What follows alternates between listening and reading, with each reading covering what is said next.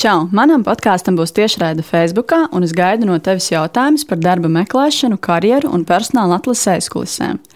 Varbūt tu gribi uzzināt vairāk par kādu podkāstā dzirdētu tēmu vai par kādu podkāstu viesi. Sūti savu jautājumu man caur Facebook Messenger jau šodien, un klausies manas atbildes 4. 29. oktobrī, 2007. vakarā.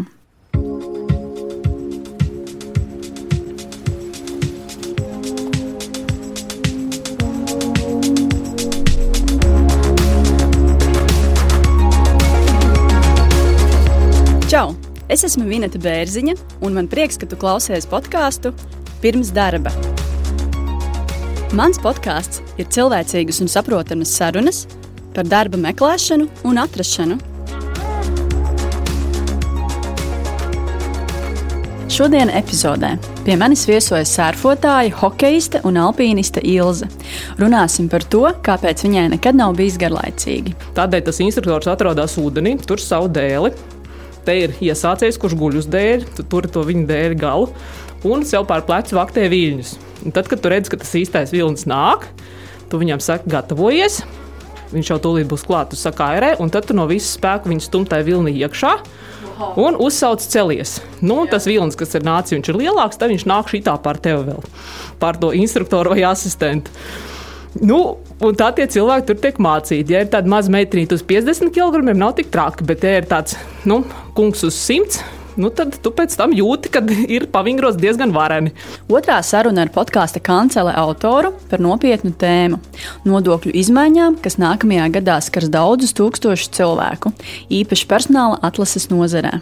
Nu, es domāju, ka nākamā gada kaut kāda daļa mikro uzņēmumu pārveidosies par normālām sijām un, un varbūt turpinās darbu bet lielais vairums pamazām atlaidīs savus darbiniekus, un daudzi atlaistie kļūs par pašnodarbinātajiem.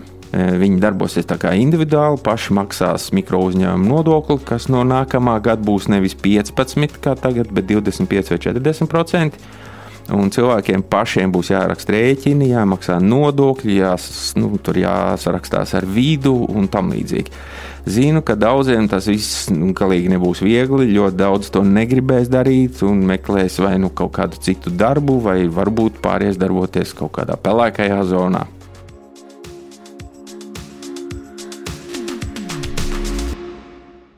Pa laikam podkāstā pie manis uh, ir cilvēki ar interesantām vai neparastām profesijām. Uh, pēdējā bija ar profesiju dzīvnieku fizioterapeits. Tādu profesijas iepriekš nezināju. Uh, bet šodien pie manis ir Ilze. Un Ilzai bagāžā ir vesels trīs neparastas profesijas. Tā kā šodien mēs arī par to runāsim. Uh, Ilzai bagāžā ir industriālais alpīnisms, hokejs un sērfošanas instruktora uh, amats. Uh, tā, kā, tā kā es ļoti ceru, ka, ka būs par ko pasmieties un parunāt. Sveika, Ilze! Jā, sveika! Uh, tad jā, gribu vaicāt, kāpēc tik neparastas profesijas, vai tā ir apzināta izvēle, vai tā dzīvē ir sanācis? Es tā kā īsti negribētu lietot uh, terminu profesija, runājot jā. par uh, sevi un tieši šīm konkrētajām aktivitātēm, okay. jo manā skatā profesija tas ir kaut kas tāds, ko cilvēks ir mērķiecīgi apguvis, mācījies, uz to ilgi gājis, viņam mm -hmm. ir daudz papīra, kas apliecina, ka viņš ir kvalificēts to veikt. Mm, bet uh, manā gadījumā ir tā, ka visas šīs lietas ir pašas pie manis kaut kādā veidā nonākušas, un man tikai vajadzēja īstajā brīdī pateikt, jā. Par surfošanas instruktoru uzreiz gribētu palabot. Es ne, eh, neesmu bijusi surfošanas instruktore, es esmu bijusi surfošanas instruktora asistents. Tur ir, okay, ne, tur, ir, tur, ir, tur, tur ir ļoti liela starpība. Jo surfošanas instruktors ir tas cilvēks, kurš patiešām ir ļoti nopietni mācījies. Viņam ir arī glābēja certifikāts, mm -hmm. un viņš tiešām atbild par visiem tiem cilvēkiem, kas ir uz ūdens. Mm -hmm. Bet, eh, ja viņam ir nedaudz lielākas grupas, viņš nestrādā viens uz viens, tad viņš drīkst ūdenī paņemt līdzi arī kādu asistentu, kas viņam palīdz kaut kādu konkrētu uzdevumu veikšanai. Un es kā reiz biju šis asistents, kurš palīdzēja sērfošanas instruktoram un varēja strādāt mm, viņa virsvadībā, ja tā to varētu teikt. Ļoti interesanti. Es pati nekad neesmu sērfojusi, bet uh, kur tas bija Latvijā, kaut kur ārzemēs? Tas bija Tenerifē. Izklausās jau fantastiski. tā arī bija. Jā. Jo Tenerifē manai klases biedrenei šobrīd pieder savu sērfu skola. Un eh, tajā brīdī, kad viņa to bija salīdzinoši nesen sākusi un bija sapratusi, ka tie apjomi jau ir tādi, ka vajadzētu paplašināties un kā reiz vajadzētu šādu palīdzību, viņa man piedāvāja, vai es nevēlos atbraukt viņai palīdzēt. Un uh, man tā vasara bija brīva, un es padomāju, kādēļ gan ne. Un tā es pamodos kādu rītu Tenerifē, dzīvojot sapni, surfojot, palmas, saule, okeāns, viss bija ļoti skaisti. Super, bet ar to arī tā kā naudu varēja nopelnīt savu ikdienai. Uh, jā, ar to var naudu pelnīt, bet, protams, tas ir savā ziņā arī sezonāls darbs. Mm -hmm. un, uh, nu, man tas nebija tāds. Tas bija vairāk par vēdera tiesu un vēl kā vairāk jā, nu, bija interesanti. Izdzīvot, nu, jā, tā kā vairāk bija interesanti tieši tā pieredze un tas mm tāda lieta, ko tu esi redzējis kādreiz filmās, un tev liekas, ne, nu, tā nenotiek. Tu nevari tur atrasties un pēkšņi saproti, ka jā, tā ir realitāte un tu esi. Mm -hmm. Un ko tu darīji kā asistente? Mūsu diena sākās ļoti, ļoti agri, jo um, Kristīnai bija pārliecība, ka labākais laiks, kad būt uz ūdens, ir līdz ar saules lēktu. Jo pirmkārt, tad ir mazāk cilvēku, mazāk iesācēju, kas mazāk viens otram traucē. Un tas ir arī brīnišķīgs dienas sākums. Līdz ar to mana kā asistenta diena sākās ļoti bieži piecos no rīta. Pārsvarā katra diena sākās piecos no rīta. Un, kā jau smējos mainiekiem, kad es zvanīju, klausieties, tas nav normāli. Es šodien priecājos, ka es varu pagulēt ilgāk. Es varēju pagulēt ilgāk līdz pulkstenes sešiem no rīta. un, un tas eh, tajā brīdī, kad es, eh, mēs ar Kristīnu kopā strādājām, eh, viņas sērfa skola un visa dēļ nolikta un viss pārējais atradās citā ciematiņā nekā tur, kur mēs devāmies sērfot ar grupu. Līdz ar to šajos piecos no rīta mēs abas sākām ar dēļu piemeklēšanu. Bija zināms, kāda cilvēka pēc parametriem būs grupā. Augums, svars. Augums, svars tieši tā, vīrietis vai sieviete. Un tad tika piemeklēti dēļi, tie visi krauti uz busa. Tātad piecos no rīta tāda laba rīta rosma uzkraujot kāds desmit dēļus un piesienot uz busa. Tikmēr sameklē arī hidras visu pārējo nepieciešamo. Nu, tad mēs devāmies reizēm arī pēc eh, klientiem, nu, tad uz, tad uz pludmali, kur notiek sarfošanas apmācība. Tālāk eh, visu šo inventāru izdalīšanu atbilstoši katram cilvēkam. Tad uh, iesildīšanās, drošības instruktāža, un tad jau devāmies ūdenī.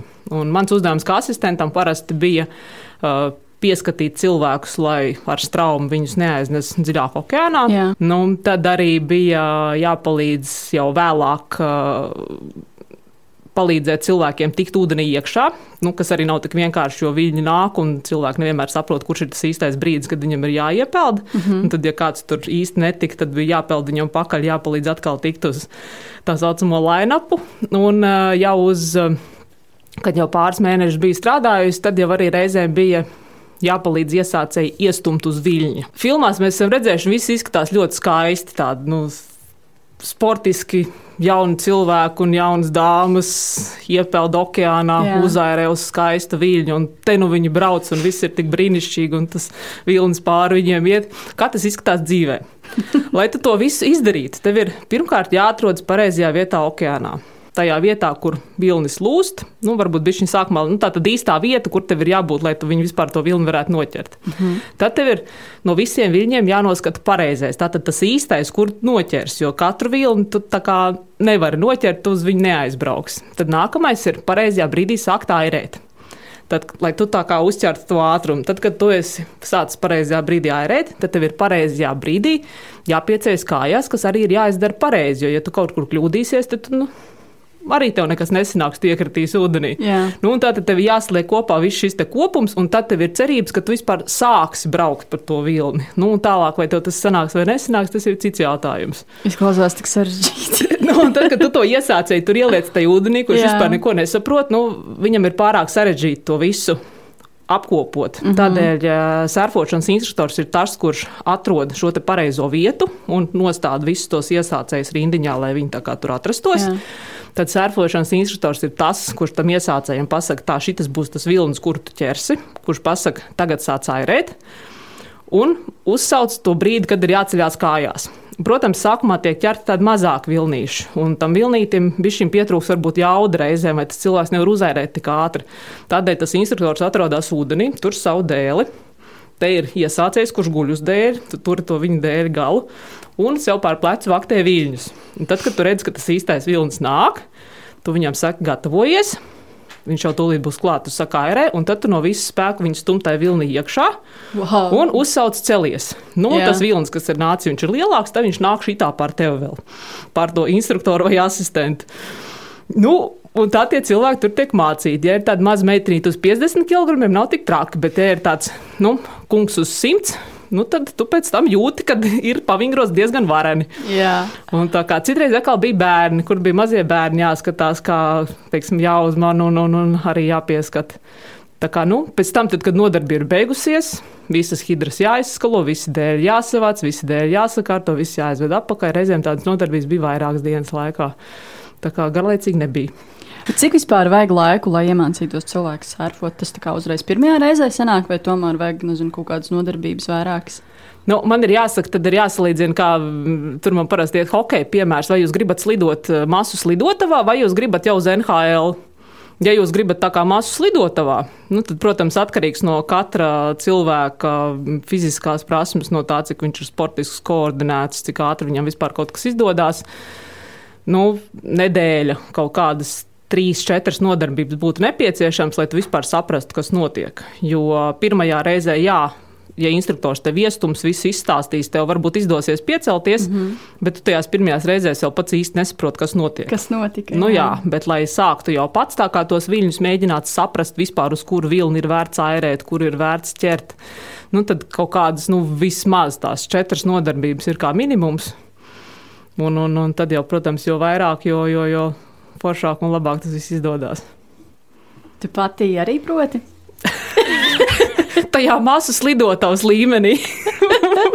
Līdz tam NHL vēl ir stipri, nē, stipri jā. tālu, un es domāju, tas ir diezgan nesasniedzams pasākums. Bet, uh, jā, es uz, uz iesācēju dēļ es saprotu, uz kuru vilni sākt airēt, un man uh, sanāk arī reizēm piecelties.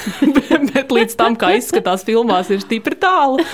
Un eh, pēc tā, ka es pavadīju to vasaru, tur man jau ir ticis skaidrs, ka uz tiem viņiem, kā filmās, jūs man nekad neredzēsiet, jo tā sajūta, ka arī trīsreiz mazāks vilnis tevi apēd un izmaļ tajā veļas mašīnā, nu tā ir ne ar ko neaprakstā, un neviens sāk vapars klāt nestāv.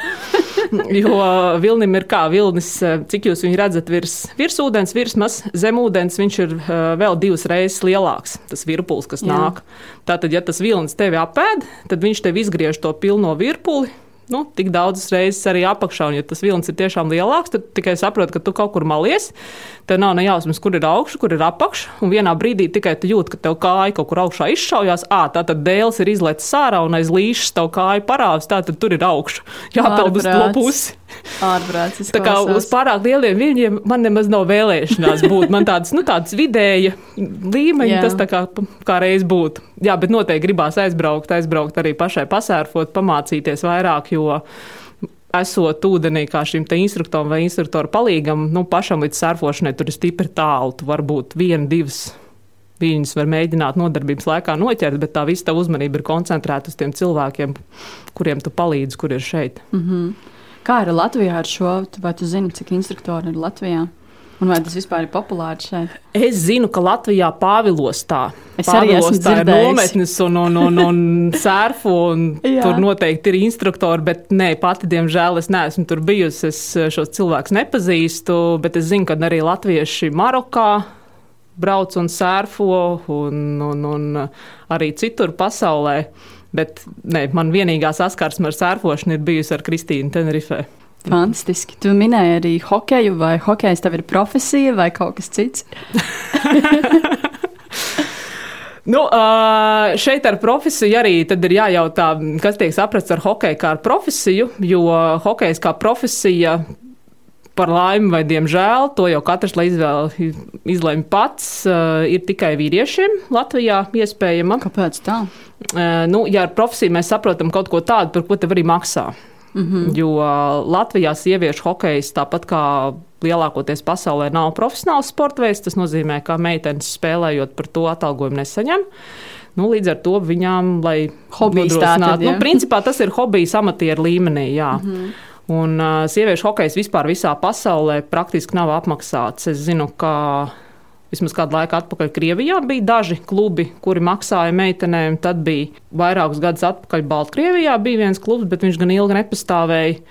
Un kaut kādā brīdī arī Šveicē ir bijis ka atsevišķiem spēlētājiem maksā par spēlēšanu, bet principā nē, sievietēm, meitenēm tas ir tādā ziņā tīri hobija līmenī, lai gan daudzas arī spēlē gan nopietni, gan profesionāli. Bet nu, tā tad pilnīgi visu savu laiku tam veltīt nav iespējams, jo nu, kaut kā līdzekļu dzīvošanai arī tomēr jānodrošina. Un kā tu vispār sāki ar to nodarboties? Tas bija bērnībā, vai, vai, vai kad, vai kaut kad nesen? nu, salī, laikam, vairāk salīdzinoši nesen bērnībā nē.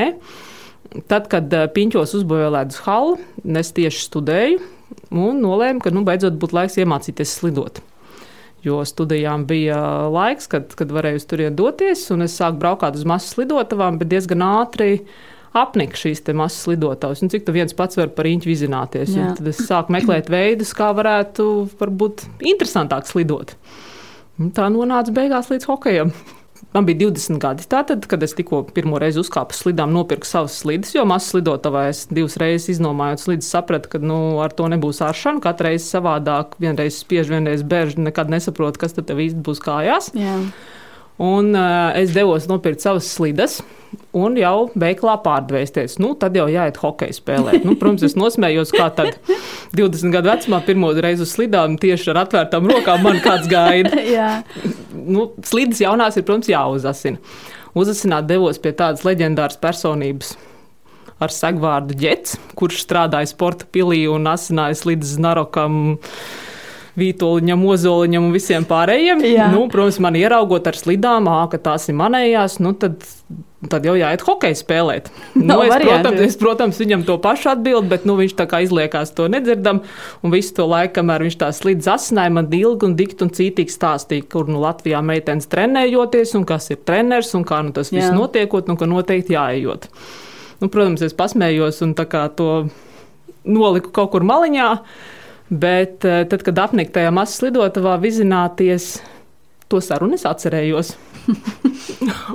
Sazvanīju sporta pili, noskaidroju telefonu numuru sieviešu hokeja klubu laimīgam galvenajam trenerim. Tas bija tobrīd vienīgais hokeja klubs Latvijā, un saņēmu uz piezvanīt. Ar domu, nu, aiziešu no malas, paskatīšos, kā tas viss izskatās, vai tas vispār tā kā jā, tā kā nē, un nu, kā nu, tur notiks tālāk piezvanīja, izstāstīja, kas es esmu, ka es gribētu atnākt paskatīties. Telefona otrā pusē klusums. un tad jautājums, tev slidis ir? Jā. Es saku, jā. Nu, tad uh, treniņš, darbs, slides, rīt, tikos un tikos treniņš. Treniņš jau, nekāda skatīšanās. nekāda skatīšanās. es tur otrā galā to nostostījos. Jā. Bet nu nebija, kur likties. Piezvanījusi biju.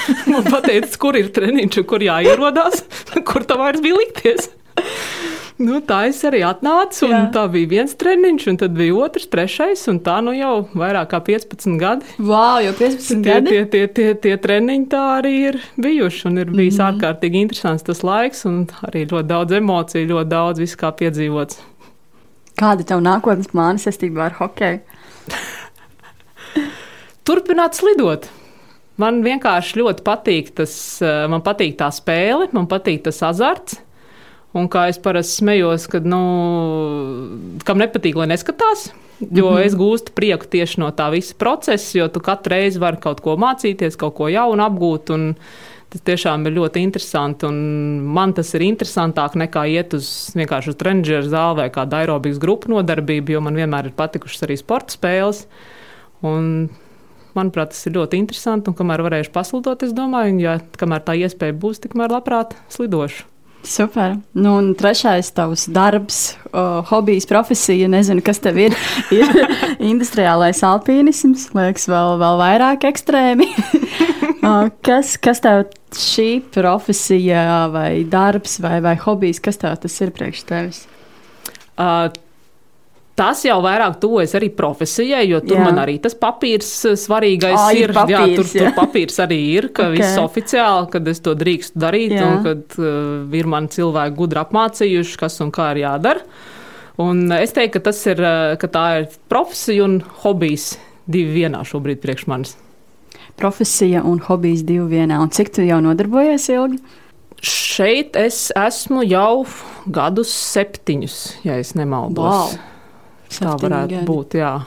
Tas ir paralēli kaut kādam tavam patstāvīgajam darbam vai, vai kaut kāda puslodze. Kā, kā tīri tas kā sadalās tavā profesionālajā dzīvē?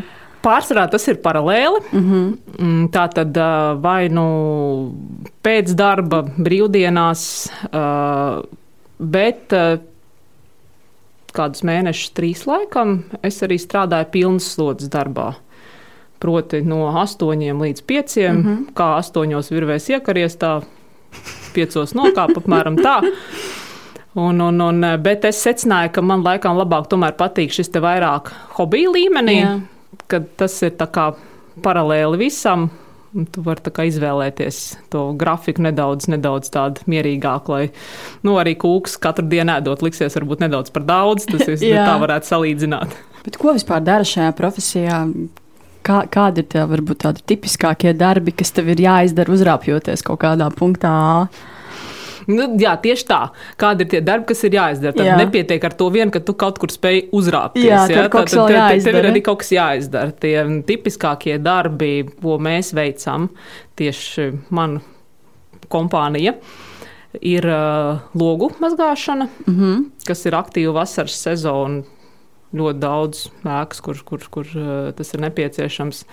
Tad uh, gan jau daudzi ir pamanījuši uz uh, ēku fasādēm lielos reklāmas plakātus. Jā, Tos mēs mainām. Lielākais mūsējais ir preses namā, lielā bilde. To arī tieši mūsu kompānija mēs mainām parasti. Tad ir dažādu, dažādas krāsošanas, piemēram, Doma baznīcas torni krāsojām mēs. Wow. Tad ir uh, zibens aizsardzības uzstādīšana, šūvju hermetizēšana, dažādi apsakošanas darbi. Tas ir tas, ko vairāk nu, tieši mūsu kompānijas mm. -hmm. dara, bet eh, tie darbi var būt visdažādākie. Tas nosacījums ir tāds, ka piekļuve ir izmantojot virves un virves sistēmas. Ja citi klāt netiek, nu, tad tiek zvanīts industriāliem alpinistiem, mm. -hmm. kuriem tur ir jāuzkāp. un Tas darbs var būt praktiski jebkas. jebkas. Piemēram, vakar tīrījām teknes. Nu, lapas piepūstas, viss Jā. pilns. Nu, tad vismaz reizes gadā jāiztīra. Mums piezvan, pastāsta, kas ir par darbu, kas ir jāizdara. Nu, tad mēs nolemjam, jā, mēs to varam veikt, vai nu, nē, mēs to šoreiz nevaram veikt. Nu, tad dodamies, vai arī nedodamies. Bet tu pati kā darbinieks, vai tu vari atteikties, ja, piemēram, tu to nezinu, negribi darīt, vai tā vieta tev liekas, nu, tā kā nē, es tur negribu. Man liekas, ir ļoti, ļoti paveicies ar to uh, kompāniju, kurā es esmu. Mēs esam seši cilvēki, seši puiši. Un uh, jūtos ļoti aprūpēta un aizgādībā turēta. Un, um, nu, tā kā tas ir mans hobijs, es vairāk to daru, tāpēc ka man tas ļoti patīk. Un uh, man nav tās, uh, es nezinu, emancipētās sievietes nostāja, ka nu tik es tūlīt tiešu, es tik kāpšu, jūs tik mani palaidiet. Jā, Nu, es saprotu, ka ļoti daudz tie darbi ir tādi, kur uh, vīrietis to var izdarīt labāk, tīri dēļ tā, ka viņš arī ir fiziski spēcīgāks, uh, viņš arī tos daudzus tehniskos darbus prot izdarīt labāk. Līdz ar to es nekad neesmu ar karogu pa priekšu skrējusi, laidiet man, es tūlīt darīšu. Mm. -hmm. Un vienmēr esmu godīgi pateikusi, ko es varu izdarīt, ko es nevaru izdarīt. Un, uh, Puiši ar to vienmēr ir rēķinājušies. jā. Un es nekad neapvainojos, ja mani kaut kur nepasauc vai nepaņem līdzi, jo es saprotu, ka. Ja viņam man ir jāgaida ārā, ir mīnus 30 pūš vējš, kamēr es tur kaut ko ilgi un dikti centīšos izdarīt, jo otrs vīrietis to var izdarīt ātrāk, un, protams, ka tas ir jādara viņiem. Līdz ar to mums tā kompānija ir tāda gandrīz pat vairāk draugu nekā kolēģi, jā. un, un liela daļa arī mēs kopā darām. Man ļoti interesē, kāda vispār cilvēka izvēlas šādu profesiju. Kas viņiem galvā tur darās? Tā kā mans pēdējais biroja darbs ir uzņēmumā, kurš nodarbojas ar dažādu veidu pētījumiem, man ir jāapgalvo, ka es nevaru sniegt šādu vispārēju pārskatu par visiem Jā, šiem cilvēkiem. Par saviem Bet ar kolēģiem. tiem savējiem, ar ko ir vairāk izdevies sastapties un ar ko ir būt vistuvākajā kontaktā, pārsvarā tie ir cilvēki, kas ir bijuši saistīti ar kalniem, ar alpīnismu, ar kāpšanu. Jā, Man tieši arī ieveda šajā lietā mans alpīnismu instruktors. Un joprojām ar viņu kopā arī kāpjam un darbojamies. Viņš arī ir tajā kompānijā, bet es zinu, ka liela daļa cilvēku arī nav saistīta ar kalniem. Bet, nu, tos es tā kā pārsvarā personīgi tik daudz nepazīstu. Varu runāt tikai par tiem, ko zinu. Mm -hmm. Kā tev pašai ar kalniem attiecības? Vai, nu, mīļi jau tie kalni, mīļi. Es piekrītu tam teicienam, ka, ja tu reiz esi tajos kalnos bijis un es atgriezies vēlreiz un pēc tam vēlreiz, nu, tad tā ir slimība, ko nepārslimo. Jā. Un uh, kalnos ir izdevies pabūt, ir būts gan Kaukazā, gan Pirenejos, gan Alpos. Ir šur tur sanācis arī uzkāpt. Un, uh, tas, protams, visu laiku galvā stāv un jau plānojas tie nākamie braucieni, nākamie. Bet, Nevienmēr sanāk, un līdz ar to tas uh, industriālais alpīnisms ir nu, kaut kas, ko tu vari darīt saistībā ar kāpšanu tepat Latvijā, kamēr, ne, kamēr tu netiec uz kalniem. Bet ko par, par tavām profesijām un aizraušanām sakat? Varbūt tava ģimene, draugi? Dzīvdomīgi klusē. Viņa neizsaka viedokli savu.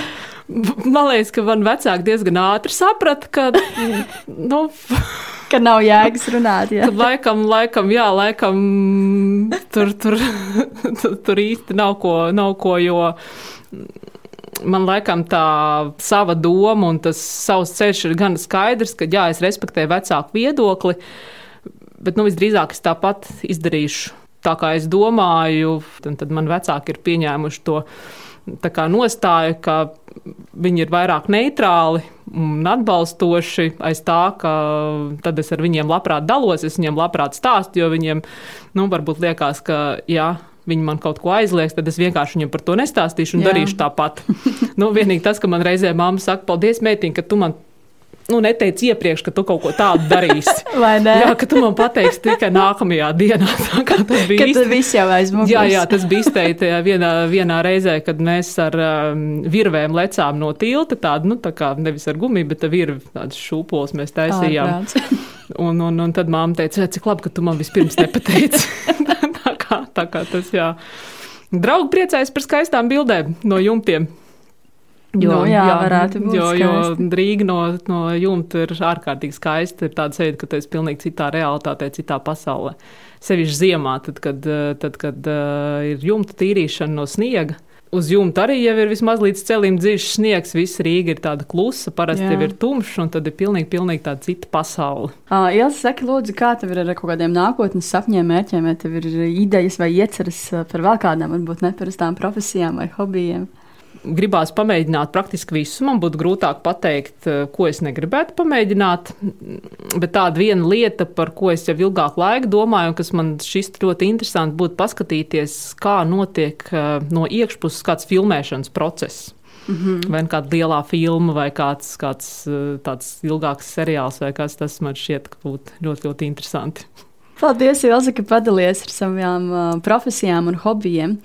Uh, manuprāt, ļoti, ļoti neparasti. Tīpaši tas, ka tev piemīt vairākas profesijas uh, un hobiji, nevis, nevis vien, viens. Un uh, tas, ko tu tikko minēji, ka tev interesē tik dažādas lietas. Paldies! Tev.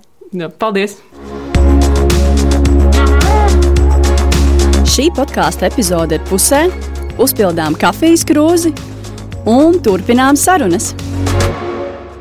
Čau! Manam podkāstam būs tiešraide Facebook, un es gaidu no tevis jautājumus par darba meklēšanu, karjeru un personāla atlases aizkulisēm. Varbūt tu gribi uzzināt vairāk par kādu podkāstā dzirdētu tēmu vai par kādu podkāstu viesi. Sūti savu jautājumu man caur Facebook Messenger jau šodien, un klausies manas atbildes 4. 29. oktobrī, 2007. vakarā.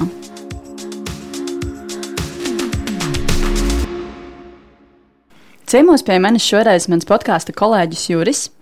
Uh, Jurim īstenībā ir arī savs podkāsts kancele, un iepriekšējā podkāstu epizodē uh, bija tēma, kas varētu interesēt arī mana podkāstu klausītājus. Čau, Juri! Labdien! Labvakar! Vai labrīt, kā nu kurš klausās? Nu, vispirms pāris vārdus par manu podkāstu kanceli. Podkāsts ir jauns, šobrīd tikai divas epizodes, un es to taisu tāpēc, ka ir dažas tēmas, kas man personīgi šķiet pietiekami interesantas, un es gribu parunāt par šīm tēmām ar cilvēkiem, kuriem par to tēmu ir ko teikt, kurus ir vērts man pašam klausīties, un es ceru, tas ir interesanti vai noderīgi arī kādam citam. Tātad iesim pa punktiem. Tēma ir nodokļu reforma, kas notiks nākamajā gadā. Interesantie cilvēki ir publicists Mārcis Bendiks un grāmatvedības eksperte Anna Braķe. Tā nodokļu reforma kā tēma man ir interesanta, jo es tāpat tā kā visi maksāju nodokļus, un nākamgad man tāpat kā ļoti daudziem nu, būs jāmaksā lielāki nodokļi. Nodokļu reforma nozīmē izmaiņas vismaz 30 likumos.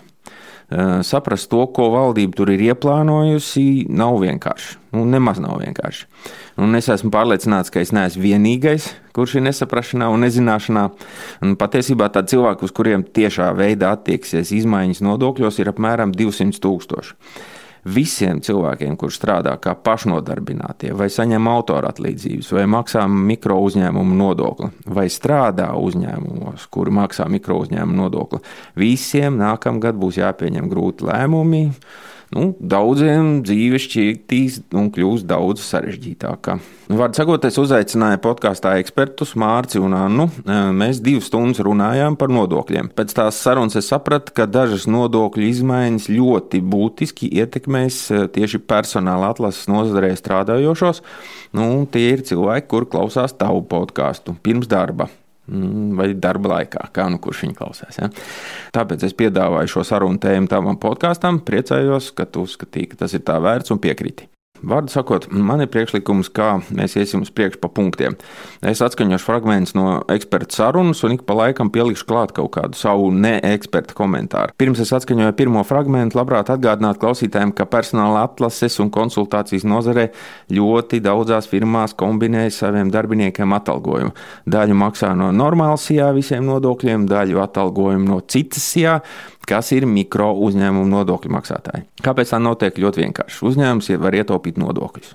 SIA vai pašnodarbinātais, kas darbojas mikro uzņēmumu nodokļu režīmā, līdz šim varēja algot darbinieku vai vairākus un maksāt viņam algu līdz 720 eiro mēnesī, un par to samaksāt tikai 15% nodokļos, nu, kas faktiski ir ļoti liels ietaupījums salīdzinot ar pilniem nodokļiem. Nu, lūk, un šī mūsu mīļā jaunā nodokļu reforma paredz, ka turpmāk tā vairs nevarēs. Nu, par to ir pirmais fragments no eksperta sarunas. Tas ir ierakstīts jau tagad, ka tie mūna maksātājs, SIA, vienalga vai SIA vai pašnodarbinātais, ja viņš ir mūna maksātājs 20. gadā un ir arī PVN maksātājs šobrīd reģistrēts, ar 1. janvāri viņš automātiski zaudē mūna uh, statusu. Tātad ar 2021. gada 1. janvāru, tas ir pēc pāris mēnešiem, SIA un pašnodarbinātie, kuri šobrīd maksā PVN un darbojas mikro uzņēmumu nodokļu režīmā, automātiski zaudēs šo mikro uzņēmumu nodokļu statusu. Šādu uzņēmumu vadītājiem vairs nebūs iespēja ietaupīt nodokļus, un visticamāk, viņi nevarēs algot tos darbiniekus, vai vismaz nu, diezgan droši, ka nevarēs maksāt tādas algas kā iepriekš. Ieteikums klausītājiem, kurš strādā tā sauktajos mikro uzņēmumos, noskaidro, vai tavs darba devējs ir PVN maksātājs. Ja tā, tava dzīve mainīsies jau 1. janvārī. Ja darba devējs ir mikro uzņēmums, bet nav PVN maksātājs, arī tad tā jūsu laimīgā kopdzīve nav uz ilgu laiku, jo nodokļu reforma paredz, ka mikro uzņēmumu nodokļu maksātājs algot darbinieks varēs, bet viņam būs jāmaksā par šo darbinieku visu pilnie nodokļi. UIN mikro variantā, kurš pārdēvēts tiek par munu, Un līdz šim to varēja maksāt dažādos veidos. Sija varēja būt mūna maksātājs vai ne? Jā. Un vienkārši pakalpojums sniedzējs arī varēja Pašnodarbināts saimnieciskās darbības veicējs mm -hmm. varēja maksāt, izvēlēties maksāt maksāt mūnu režīmā Jā. naudu. Tagad kā mūs iepriecē mūsu ministrija, mikro uzņēmumu nodokļu likumā paredz no 21. gada pakāpeniski ierobežot munu režīmu, attiecinot to tikai uz mikro uzņēmuma īpašnieku, palielinot likmi apgrozījumam un ieviešot citas izmaiņas. Latvijasiski tulkosim no pusgada mikro uzņēmumu maksātāji nedrīkstēs uz, nedrīkstēt algot nevienu. Ja? Drīkst, drīkstēs algot, bet vispārējā režīmā. Vispārējā, tas Tā, ir tie, tieši to pašu, ko saimnieciskās darbības veicēji var darīt. Jo ģenerālās līnijās ir paredzēts, ka no 22. gada 1. janvāra šajā režīmā vispār nedrīkstēs būt sijas. Skaidrs. Visi tie, kuri ir iekārtojuši ērtu savu dzīvi mazā tādā uh, mīļā sijā, kas cep piparkokus vai indē kaimiņiem žurkas nelielos daudzumos, un taisa no tām pēc tam piparkūks, un bija pieteikušies šajā mun režīmā, esiet tik laipni sākt krāmēt čemodānus. Jūsu rīcībā ir gads ja kaut kas tik ļoti mainīsies, kāda varbūt vispār ir iespēja, ka šie cilvēki turpinās strādāt? Nu, es domāju, ka nākamgad kaut kāda daļa mikro uzņēmumu pārveidosies par normālām sijām un varbūt turpinās darbu, bet lielais vairums pamazām atlaidīs savus darbiniekus un daudz atlaistie kļūs par pašnodarbinātajiem. Viņi darbosies tā kā individuāli, paši maksās mikro uzņēmumu nodokli, kas no nākamā gada būs nevis 15, kā tagad, bet 25 vai 40 procenti un cilvēkiem pašiem būs jāraksta rēķini, jāmaksā nodokļi, jās, nu, tur jāsarakstās ar vidu un tam līdzīgi. Zinu, ka daudziem tas viss nu, galīgi nebūs viegli, ļoti daudz to negribēs darīt un meklēs vai nu kaut kādu citu darbu, vai varbūt pāries darboties kaut kādā pelēkajā zonā. Tomēr ir viena laba ziņa Tiem, kuri būs gatavi pa jaunam strādāt, ar nākamā gada otro pusi būs iespēja izņemt algā nevis tikai tos 720 eiro mēnesī, bet kaut vai visu. Ja vien norēķina nodokļu maksāšana notiks caur speciālu bankas kontu, kurā valsts pati paņem savus 25 vai 40% no jūsu rēķina summas. Tas, kas ir, ka viņš pirmo pusgadu līdz 1. jūlijam drīkst no tā sava konta, eh, jo mums eh, ir tie 720 eiro. Tas paliek. Tajā pirmajā pusgadā. Tātad viņš sev drīkstēs izņemt tos 720 eiro.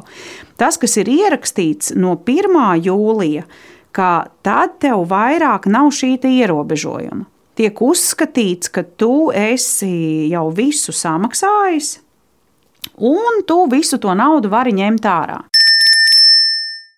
Un no 22. gada 1. janvāra tev tiks piedāvāta iespēja darīt to caur to uzņēmuma kontu, ka tev tie 25 un 40 pat pašam nebūs jāskaita. Viņus tev vienkārši ieturēs. Bet tu nedrīkstēsi sniegt pakalpojumus Eiropas Savienības PVN maksātājiem. Jo šajā režīmā nav esoša PVN, nav nedrīkst numura. būt PVN maksātāji. Tātad apkopojums. Nākamā gada laikā izzudīs tāda parādība kā algots darbinieks mikro uzņēmumā. Tādam statusam vienkārši nebūs nekādas jēgas. Ja jūs, dārgais podkāstu klausītāji, tāds šobrīd esat, tad tas nav uz ilgu laiku. Vai mikro uzņēmuma nodokļu izmaiņas ir vienīgais, kam tu gribētu pievērst uzmanību? Ja viss būtu tik vienkārši, nebūtu divas stundas jārunā. Galvenais sarežģījums nākamā gada nodokļos ir jaunievedums minimālais sociālais nodoklis. Pavisam novienkāršot var teikt, ka katram, kurš kaut ko strādā un saņem atalgojumu, būs jāsamaksā sociālais nodoklis vismaz tik, cik ir sociālais nodoklis no valstī noteiktās minimālās algas.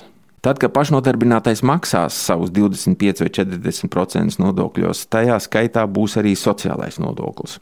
Ja jūsu ienākumi būs lieli un nodokļos maksāsiet daudz, tad nav problēma. Tajā nodoklī sociālā nodokļa daļa būs liela, jūs nomaksāsiet minimālo sociālo nodokli, vislaimīgi. Bet, ja ienākumi būs mazi, un nodokļos samaksāsiet maz, tad minimālo sociālo nodokli nebūsiet samaksājis, un valsts prasīs jums piemaksāt starpību kā tieši Vits aprēķinās šo minimālo sociālo nodokli, kā viņi iekasēs. Neviens tā īsti vēl nezina. Es no savas puses, varbūt iesaku klausītājiem, kurš tēmu interesē tā nopietni, meklēt internetā grāmatvedības eksperts Rutas Zilveres blogu, uz kuru saiti es ceru, mēs ieliksim šīs epizodes aprakstos. Bet kas varbūt vispār notiek ar cilvēkiem, kuriem ir ļoti mazi ienākumi? Kā viņi, kā viņi varēs samaksāt šo minimālo sociālo nodokli vispār? Šobrīd, kas ir jādara mazo naudu saņēmējiem, ir skaidrs. Pirmkārt, atvērt acis. Saprast, ka šitā iepriekšējos ilgus gadus ilgusī e, jaukā sadzīve, ka, ah, man atkal atvilkt, bet kontā nauda ir, es aizēju nopērku uh, gabalu sieru un divus alus un eju mājā gulēt, šī te maļina ir beigusies. Izrādīsies pēc diviem vai trīs mēnešiem, ka tu esi 150 eiro palicis parādā no, no nesaņemta uh, no nesaņemtas naudas. Tas ir, ja tu negribi palikt parādā par nesaņemtu naudu, tev vajag saprast, kas tu tāds esi, ko tu dari. Tas attiecas uz honorāru saņēmējiem, tas attiecas uz munu, jebkurā gadījumā sija pārtrauks eksistēt ar 21. gada beigām. Nu jā, jau iepriekšējā fragmentā dzirdējām, cilvēkam ir jādomā līdzi, jāsaprot, kādus nodokļus viņš pats maksā vai ko par viņu maksā darba devējs. Visrakākies tiem mūsu klausītājiem, kur ienākumi ir neregulāri vai kur piepelnās, piemēram, mauklējot bērnu āda zeķes, tad uzzīmē datorā kādu logo vai kādu mūsu kolēģi, kurš tad sniedz konsultācijas vai kaut kāds cits pakalpojums par pāris simtiem mēnesī. Nu, no šiem maziem ienākumiem attiecīgi maksā mazus nodokļus. Svarīgā ziņa ir tāda, ka ja jūs pats nebūsiet samaksājis, vai par jums kāds nebūs samaksājis vismaz minimālo sociālo nodokli, tad jums būs jāpiemaksā. Pat ja nebūsiet neko nopelnījis. Faktiski sanāks tā, ka strādāt par mazām naudām turpmāk būs neizdevīgi un bīstami. Un tad uh, sanāks tā, ka no 22. gada, kas ir tā saucamā otrā fāze, ko Finanšu ministrija ir iecerējusi kopā ar Labklājības ministriju, mm, pašnodarbinātā persona varēs izvēlēties, vai nu viņa maksās uh, caur to saucamo uzņēmuma kontu, viņam iebirs nauda, viņam atņems valsts vai nu 25 vai pie noteikta pārsnieguma 40, nekādus izdevumus neatskaitot neko, un tur būs iekšā 20% ienu un 80% sots. Vai arī, ja viņš ir tāds pašnodarbinātais, kuram savā darbībā radās arī izdevumi. Tēlnieks, rotkalis, adītājs, kuram izdevumi ir materiāli, nu, jebkas, ko viņš dara. Viņam būs uh, daudz izdevīgāk palikt tajā pašā tā saucamajā pašnodarbināto režīmā, kur viņš drīkstēs atskaitīt uh, izdevumus līdz 80%. Tur viss paliek kā pa vecam, izņemot to, ka sociālais nodoklis būs jāsamaksā to 170 eiro apmēram. Tas nozīmē, ja tev nav ienākumu uh, virs tiem 500, tad šis režīms, uh, pašnodarbinātā režīms, lai cik tu vari atskaitīt 80 vai 180% izdevumos, ja tev nav tie 500, no kuriem nomaksāt sociālo nodokli, uh, šis režīms kļūst bezjēdzīgs. Nu, ej uz sociālo uz aģentūru un pierādi, ka tu esi trūcīgais.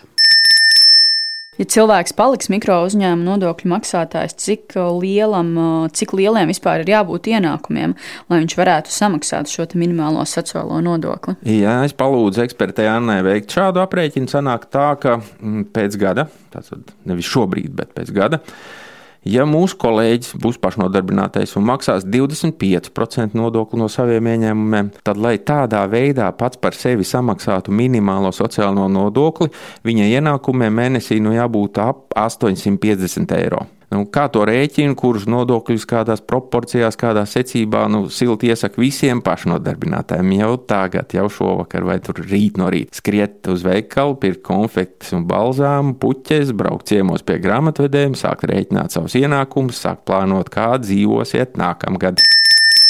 Paskatīsimies uz šo procesu no Tātad um, es atvainojos no valdības deklarācijas 11, uh, finanšu sadaļas 11. punkta. Taisnība kopējo sociālo uzturēšanu. Par Vai to mēs pat izlaižam. Mēs 11. punkts ir, mēs atvieglosim mazajiem un vidējiem uzņēmumiem birokrātiskos procesus un samazināsim administratīvo slogu, radot motivējošu vidi nodokļu samaksai. Par šo ir parakstījušies visi ministri, uh, uh finanšu un labklājības ieskaitot. Jā, tā tad no sākuma es iezīmēšu to minimālā sociālā nodokļa konceptu, kāds viņš ir ierakstīts likuma projektā, ja man uh, būs ļauts izteikt savu ekspertu viedokli.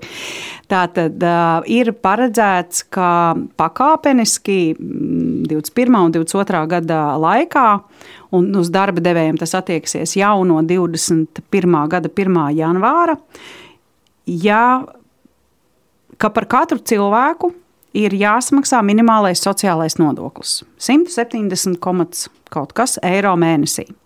Ja gadījumā kāda persona, kas ir tikai darbinieks, nezinu, trijos, divos vienā uzņēmumā nesaskries šī minimālā iemaksa, tad darba devējam, vai ja tie darba devēji ir vairāki, tad viņiem solidāri būs šī starpība jāpiemaksā. Šī kopumā ļoti sarežģīta tēma. Noteikti prasa vēl daudz skaidrojumus. Varat sākt ar visas manas un ekspertu divu stundu garās sarunas noklausīšanos podkāstā Kancela. Eh, tur var dzirdēt arī skaidrojumu par to, kāpēc valdība virza šīs reformas tādā steigā. Un īpaši interesanti to garo sarunu būs klausīties autora atlīdzību saņēmējiem, jo viņu dzīve vispār sagriežas ar kājām gaisā. Nu, katrā ziņā jārēķinās, ka šī nodokļu reforma var jūs vienā brīdī padarīt no maza nodokļu maksātāja par nodokļu parādnieku. Un to es nevienam savam kolēģim nenovēlu. Bet es ceru, ka mēs pievērsām uzmanību tiem cilvēkiem, uz kuriem attiecas šīs nodokļu izmaiņas. Un, jā, tiem, kuriem ir interese, noteikti iesaku sazināties ar saviem grāmatvežiem un, un, un meklēt arī informāciju. Un ceru, ka šī saruna vismaz pievērsīs klausītāju uzmanību. Paldies! Jā, paldies par pacietību. Nu, ceru, ka kādam bija noderīgi un ceru, ka tā nodokļu reforma mūs te visus neaizslaucīs. Jā. Visu labu! Kodoleks kursi - tā ir tava iespēja bez priekšzināšanām trīs mēnešos apgūt programmētāja profesiju. Pēc apmācību pabeigšanas Kodoleks palīdzēs tev atrast programmētāja darbu. Par mācībām Kodoleks kursos tu sāksi maksāt tad, kad sāksi pelnīt vismaz 1000 eiro mēnesī. Informāciju par Kodoleks meklē podkāstu epizodes aprakstos. Jūs noklausījāties podkāstu pirms darba. Katru otrdienu es publicēšu jaunu epizodi. Lai nepalaistu to garām, sadraudzējies ar mani Apple un Google podkāstu platformās un Spotify. Seko podkāstu tapšanas stāstiem Facebook un Instagram. Raksti komentārus, iesaki sarunu tēmas, pastāsti savu darba meklēšanas stāstu. Uz sadzirdēšanos!